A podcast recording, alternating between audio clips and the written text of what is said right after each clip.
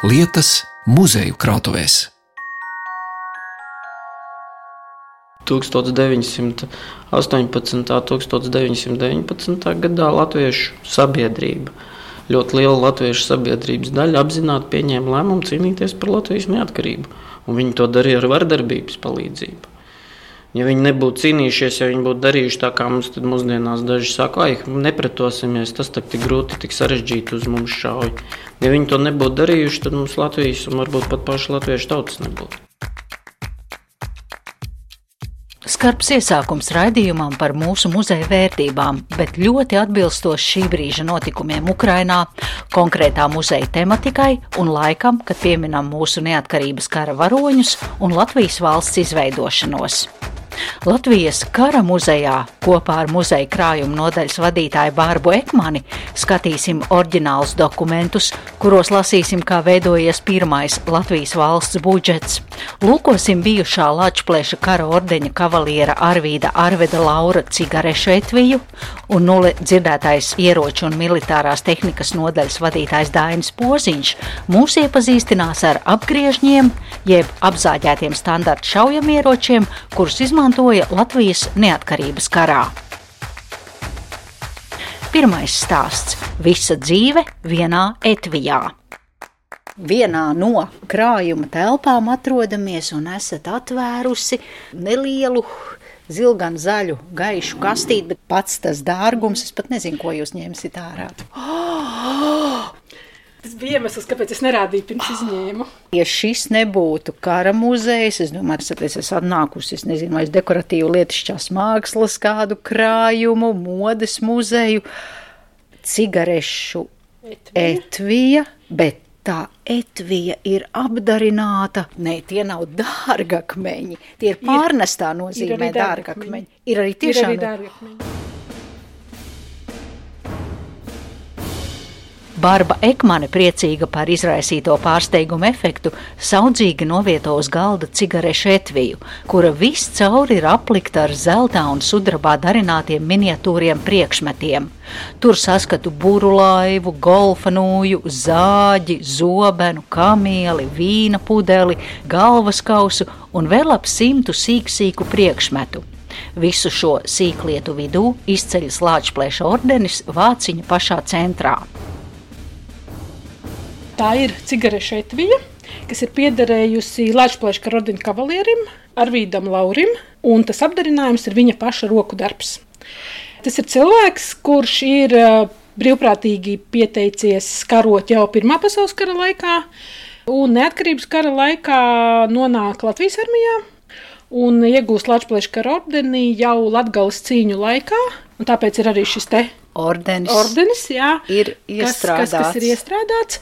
Bet kas ir interesanti, pati Etvija ir sudraba, kas sākotnēji ir bijusi kā dzelzceļu aizsargu pulka šaušanas sacīkšu balva. Tas notiks 10. septembrī, bet, diemžēl, gadu nav iespējams redzēt, tāpēc, ka gads ir cietis dēļ vēlākajām darbībām. Kas ir ļoti tradicionāla lieta Latvijas laikā, kad dažādi uzņēmumi veikali, nelielās rūpnīcas, darbnīcas ziedoja dāvanas armijas šaušanas sacīkšņu balvas. Un viena no tādām izplatītām balvām tas ir tieši porcigāri. Bet tā ir tā kā sākotnēji standarta etvija ar iegravētu tekstu. No kā es Manila Rīgā jā, pareizi jā, saburtoju. Jā, jā, tas ir tas uzņēmums, kas ir ziedojis to kā balvu. Mēs nezinām, kā no šīs balvas viņa ir finālā kļuvusi par to, kas ir šī plāksnīte zelta. Latvijas kara ordeņa kavalieru biedrības dibinātājam A. Laurim 11. 11. 39. no Latvijas kara ordeņa kavalieriem. Tā viņa nokļūst pie Arvīda Laura, kā tā, sabiedriskas organizācijas biedru dāvana viņam, kā vienam no šīs sabiedriskās organizācijas dibinātājiem. Uzziņai Arvīts Arvets Lauris ir viens no biedrības Lāčplēšu dišcilts dibinātājiem. Tā ir dibināta 1930. gadā, un Lauris, beidzoties Otrajam pasaules karam, ir devies trimdā, kur atjaunoja šīs biedrības darbību. Lauris bija pēdējais Latvijas kara ordeņa kavalieris. Viņš aizgāja mūžībā 2003. gadā, 102 gadu vecumā, un apglabāts ASV Ņujorkas štata Latviešu brāļu kapos Katskiļu kalnos. Tālākais stāsts ir tas, ka tas eh, Arvīts Lauris nonāk emigrācijā pēc otrā pasaules kara. Viņš ir ārkārtīgi sabiedriski aktīvs gan 20. un 30. gados, gan arī pēc tam emigrācijā. Viņš ir viens no tiem cilvēkiem, kas atjauno Latvijas kara ordeņa kavalieru biedrību ārzemēs. Ilgus gadus viņš ir šīs kavalieru biedrības vadītājs. Un šo etviju, ja, ja Latvijā viņam tas nodarbošanās bija saistīta ar tirzniecību pēc demobilizēšanās no armijas 20. gadā, tad emigrācijā viņš izmācās par juvelieri. Un tas ir tas viņa principā mūža darbs. Tad tas izskaidro visus šos akmeņus un akmentiņus un visas nozīmītas un jā. rotājumus, ar ko tā etvi ir apdarināta. Ir apdarināta, jā. Un tāpēc ir skaidrs, ka šis konkrētais Latvijas ordenis nav tas, ko viņam pasniedz kā Latvijas ordeņa kavalierim, jo ordenis kā tāds mums ir ar visu lenti un mums krājumā. Tad tas, viņš ir, ir izveidojis repliku. Visticamāk, ka tas ir duplikāts. Jo Latvijas ordeņa kavalieriem bija tiesības pasūtīt ordeņu duplikātus. Pati Etvija pie mums ir nonākusi kā viņa meitas dāvinājums. Un tas, ka viņam pašam ir bijusi svarīga ģimene, ir redzams arī uz šīs etvijas. Šeit ir medaljonā dēla fotografija, kur arī rakstīts mīļais dēls. Ja labi ieskatās, var salasīt. Medaļons ir aptuveni viena centa monētas lielumā. Jā, jā, ar maza zēna portretu uzņēmumu iekšpusītē.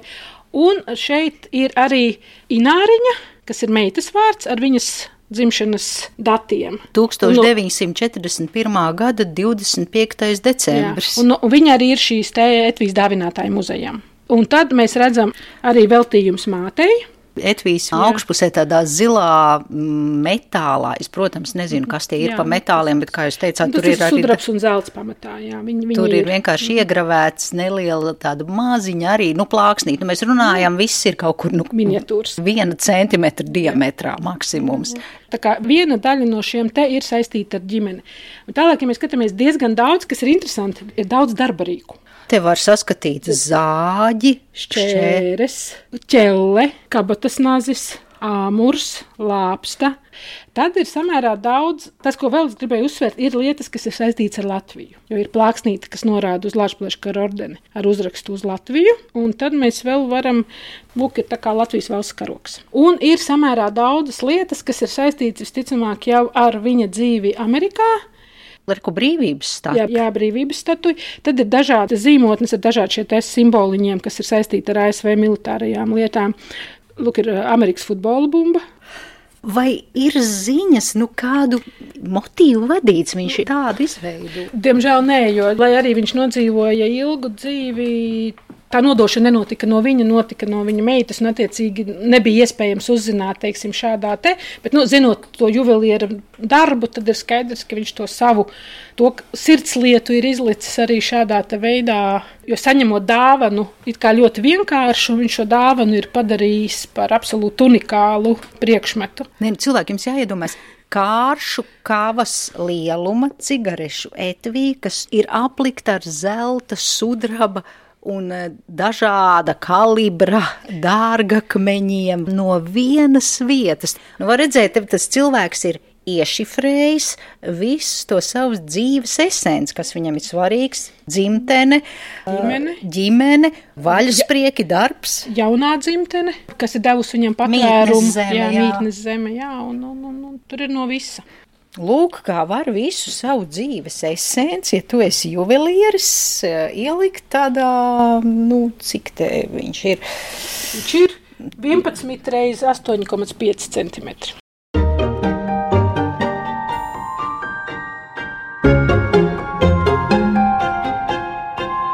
Vietu lietas.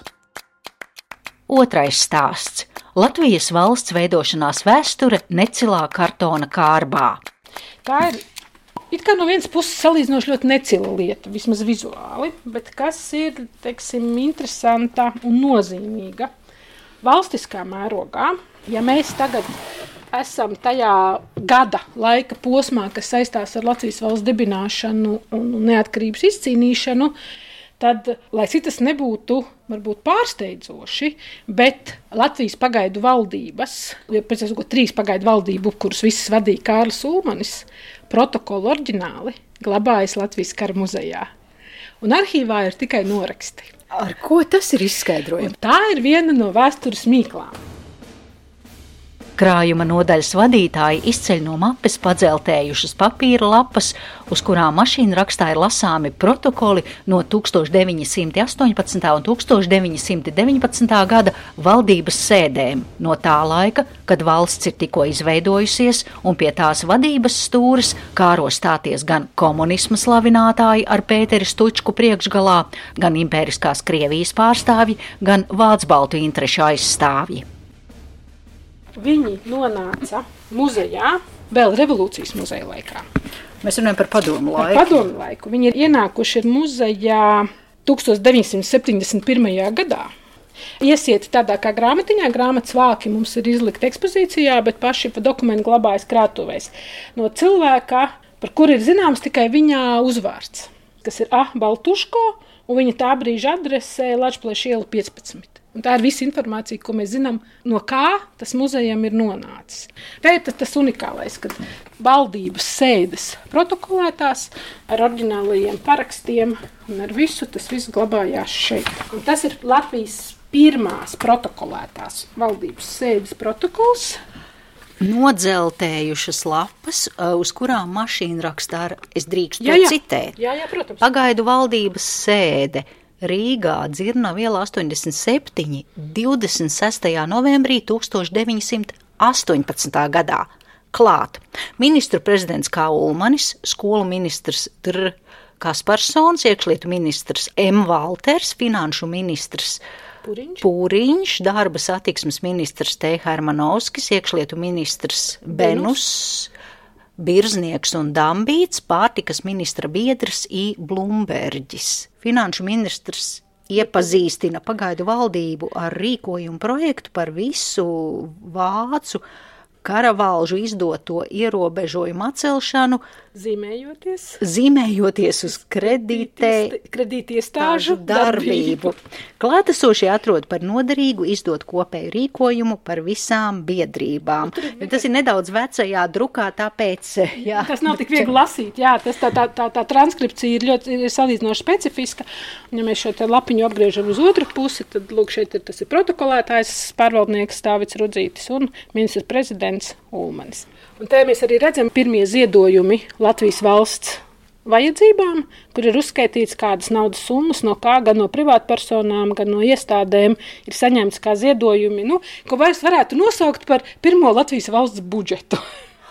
Un te mēs varam lasīt, ka no E-Kalniņa kunga Palsmanē 100 markas. 100 krievu rubļu. Tas Jā. ir gan markas, gan krievu. Vai Jā. uzreiz ir Nē, konvertēts? nē, nē, tāpēc, Ah, ka tajā to laikā lai- Latvijā apritēja daudz un dažādu naudu veidu, un tie viņi arī parādīsies visi, kādā naudā tas ir, tādā tas arī ir.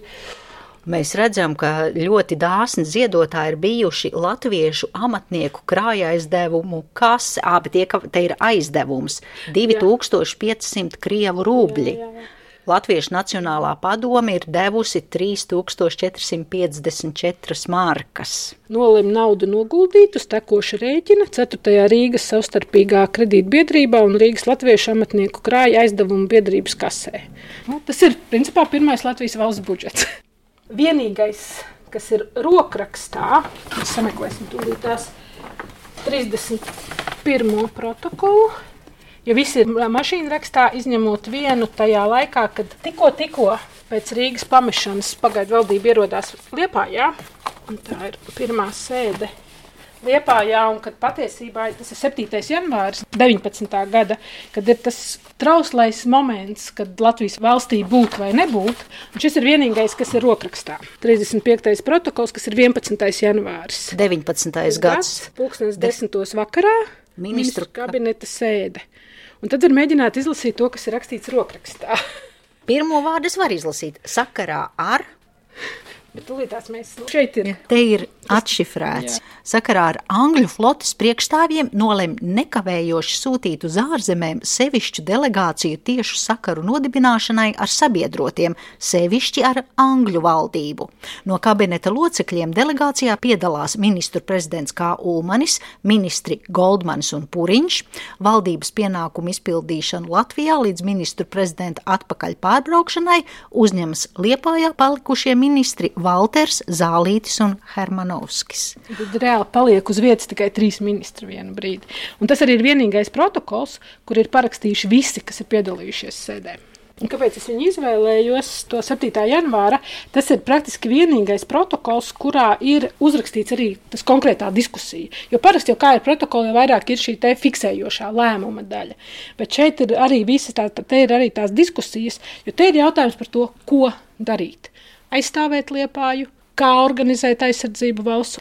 Tas ir reāli saistīts ar to militāru politisko stāvokli, kas Latvijā ir. Nu, te mēs lasām, jā, ka stāvoklis Liepājā ir nedrošs, un latviešu iedzīvotāju lielākā daļa simpatizē lieliniekiem. Nodrošināt stāvokli pilsētā būtu iespējams tikai ievedot militāru diktatūru. Tādā gadījumā valdībai būtu jāņem savās rokās pilsētas pārvalde un pārtiks organizācija. Arī uz laukiem stāvoklis ir nelabvēlīgs. Jā, tas, tas ir tie kritiskie brīži Latvijas valstī, kas parādās it kā caur tādu nu, necilu dokumentu, kas saucās sēdes protokols. Pārunāja jautājumu par liepājas nodrošināšanu ārējās un iekšējās apsardzības ziņā, par ciešāku sakaru nodibināšanu ar sabiedrotajiem, nosūtot uz ārzemēm sevišķu delegāciju. Un tad ir tas, kad, ir, kad eh, mēs paskatāmies. Teiksim, iekšlietu ministra biedrs Birznieks atrod, ka pie tagadējiem apstākļiem liepājas aizstāvēšana uz ilgāku laiku nav tehniski iespējama, ja nenāk pabalsts no sabiedrotajiem. Jā, tad ir kas ir piekrīt. Tad ir par to, ka jāorganizē aizstāvēšana, kad jāvar noturēties divas līdz trīs nedēļas, tas ir līdz laikam, kamēr var dabūt noteikti atbildi no sabiedrotajiem, vai viņi ir gatavi atbalstīt. Un te mēs redzam, ka Birznieks oponēdams Benusam aizrāda, ka Latvijas atpakaļ atkarošana ir domājama tikai pēc dažiem mēnešiem, ka tauta būs vīlusies savās cerībās, kuras viņa tagad liek uz lieliniekiem. Jā. Mēs runājam par padomi. Par Stučkas valdības. Stučkas valdības, jā. jā.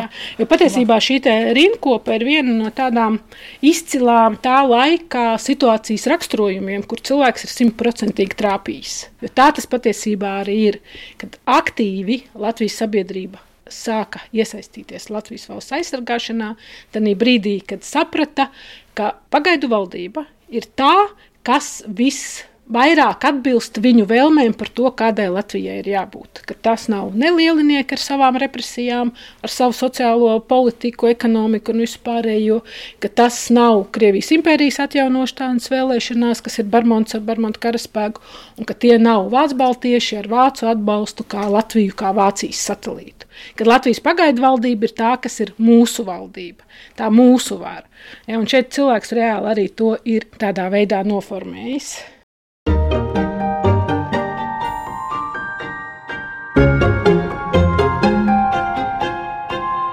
Vietu lietas.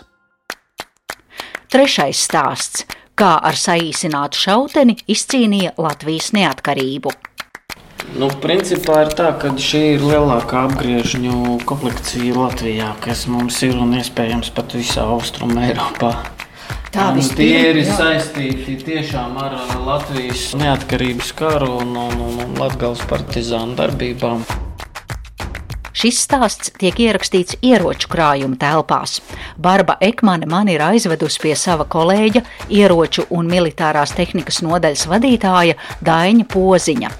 Stāvam pie plauktiem, kur glabājas ap 150 apgriežņu, jeb šautenis ar apzāģētiem stobriem un laidēm. Šādus ieročus rokās ņēma Latviju puiši un vīri brīdī, kad saprata, ka nulli nodibināto valsti apdraud divu lielo impēriju - Krievijas un Vācijas karaspēks. Tos ieročus veido no standarta rūpnieciski ražotajiem šaujamieročiem, vienkārši nozāģējot stobru un saīsinot laidi. Un ideja ir vienkārši, lai ierocis būtu īsāks, lai to varētu paslēpt un izmantotu tūciņā negaidītos uzbrukumos salīdzinoši nelielā distancē. Ierocis joprojām ir efektīvs, bīstams, bet te pašā laikā krietni kompaktāks nekā standarta armijas šautenis, kurus mēs Tāpēc, varam redzēt jā. te blakus. Aha. Tās redzat kāda garuma starpība armijas šautenēm. Un cik krietni īsāki ir tie apgriežiņi. Tā ir galvenā ideja. Tāda. Tāpēc arī sauc par apgriežņiem, jo Jā, tie vienkārši no nozāģēts, nogriezts, un tas latviešu valodā ir ērtākais vārds, ko lietot, kad apgriezts, noīsināts. Šaujamieročiem no standarta. Ui, smaga! Cik kilogrami? kādi? Šis nav pārlieku smags. Tas ir Nav? veidots no Japānā ražotas saka sistēmas eh, šautenes. un Tas ir daudz vieglāks nekā oriģinālā šautene. Bet man ir jautājums, taču tolaik jau ražoja bija pistoles, revolveri, kāpēc tos eh, apgriežņus, eh, vai tie bija paši Atbilde ir karavīri? ļoti vienkārša. Pistoles un ieroči, kur teiksim, mežbrālis partizāns varētu iegūt ieroci. Visvieglāk. Standarta variants tas ir armijas uh, šautenis, kas ir vai nu pamestas vai kā trofeja.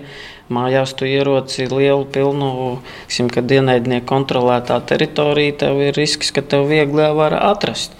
Nu, tad izmanto pielāgo visvieglāk iegūstamo ieroču veidu, kas tobrīd skaitliski vismasveidīgākais ierocis tā laika armijās ir klasiska strelnieku apbruņojumā šautene. Un dažādi tipi, gan Vācijā ražotās, gan Krievijā ražotās uh, šaujamieroči, gan arī no mums, tā teikt, tā- tālas un eksotiskas zemes kā Japānas. Jo vienkārši Krievijas impērija ļoti daudz bruņojumu Pirmā pasaules kara laikā iepirktais skaitā arī no Japānas. Un šie šautenes nonāca arī Latvijas teritorijā. Nacionālajie partizāni tajā laikā principā pamatā veidojās no vietējiem iedzīvotājiem, kad viņi saprot, ka viņiem ir jāizsargājās pret lielinieku varas represijām. Jo tas ir jāsargā sava manta, jo viņiem grib atņemt graudus, gaļu, visu, kas ir nepieciešams. Teiksim. Un otrs ir jāizsargā sava dzīvība. Jo tas ir represija laiks. Un tad veidojās tādas nelielas grupas, 5, 6 cilvēki, līdz pat, pat lielākām grupām, kur apvienojās jau simtiem cilvēku. Un tāds lielākais ir Latvijas partizānu pulks, kas tajā brīdī, kad frontes līnija sasniedz šo zonu, kurā viņi darbojās, Latvijā, tur Lubāns apkārtnē, un viss, viņi arī tiek iekļauti Latvijas armijā ar nosaukumu Latvijas partizānu pulks. Un neatkarības kara noslēguma posmā Partizānu pulks ir regulāras armijas daļa. Un tad ir tas, kā tie ieroči arī nonāk vecajā kara muzejā. Tad, kad viņi kļūst par regulārās armijas karavīriem, viņiem šie apgriežņi tiek iemainīti pret normāliem standarta ieročiem. Un viņi viņus atdod maiņā pret normālajiem ieročiem. Un tā viņi ir saglabājušies kā tāds attiecīgi lielāks komplekts. Principā ir tā, ka šie konkrētie ieroči apgriežņi viņi perfekti atbilst tam citātam, ko mēs augšā runājām par to, ka būs zudušas ilūzijas par lielinieku varu, tad cilvēki būs gatavi cīnīties par Latvijas neatkarību. Un tad tie ir tie ieroči, kas tie cilvēki, kas bija vilušies lielinieku varā, ar kuriem viņi fiziski arī cīnījās par Latvijas neatkarību, tajā variantā, kāds viņiem tobrīd bija pieejams, atrodoties frontes otrā pusē. Pārfrazējot zināmo teicienu, gribi mieru, gatavojies karam, Dainis Poziņš atgādina, gribot neatkarību, ir jābūt gataviem cīnīties par to arī ar ieročiem rokās. Jāatcerās, ka Latvija ir viena no tām valstīm, un Latvieši ir viena no tām tautām, kuras savu neatkarību ieguva ar bruņotu spēku palīdzību. Un, uh, es varbūt būšu mazliet tas, bet es kategoriski nepiekrītu pacifistu viedokļiem, daudziem paustiem. Kad vardarbība nav risinājums, ļoti daudzos gadījumos ļaunums ir pilnīgi konkrēts, draudi ir pilnīgi konkrēti, un katram cilvēkam ir pašam jāpieņem pilnīgi konkrēti lēmumi, lai izdzīvotu pats un glābtu savu ģimeni un savus kaimiņus. Ir jāņem rokās ierocis un jāiet cīnīties. Un Latvijas neatkarības karš ir tieši tas brīdis, kad katrs latviečs, kurš pieņēma šo lēmumu, kuriem pateicoties mums vispār ir ā, neatkarīga valsts un latviešu kā nācija turpina pastāvēt. Tas nav viegls lēmums. Tad dzīvo mājās un pieņemt lēmumu, doties partizānu cīņās, iet mežā, stāties kopā pretiniekiem, jo pretinieks jau var nepadoties, viņš atbild. Tad tev ir tomēr apzināti jāpieņem lēmums un jāņem tas ierocis rokā. Un tieši tāpat tas ir arī mums kaimiņu zemē, Ukrajinā. Ukraiņi atapās, kad viņiem ir sava valsts, savu valodu, savu pārliecību, un tad, kad viņiem radās šie tagad mūsdienu draudie, klasisks piemērs, ka vesela tauta par spīti briesmām izvēlās tomēr cīnīties. Un tieši tāpat arī latviešiem. Bija tāds brīdis, mums tikai tas bija agrāk. Ar to arī izskan šis raidījums. Par to es paldies saku Latvijas kara muzeja krājuma nodaļas vadītājai Barbai Ekmanei un ieroču un militārās tehnikas nodaļas vadītājam Dainim Poziņam. Raidījumu veidoja Zane Lāce Baltalksne. Vietu lietas.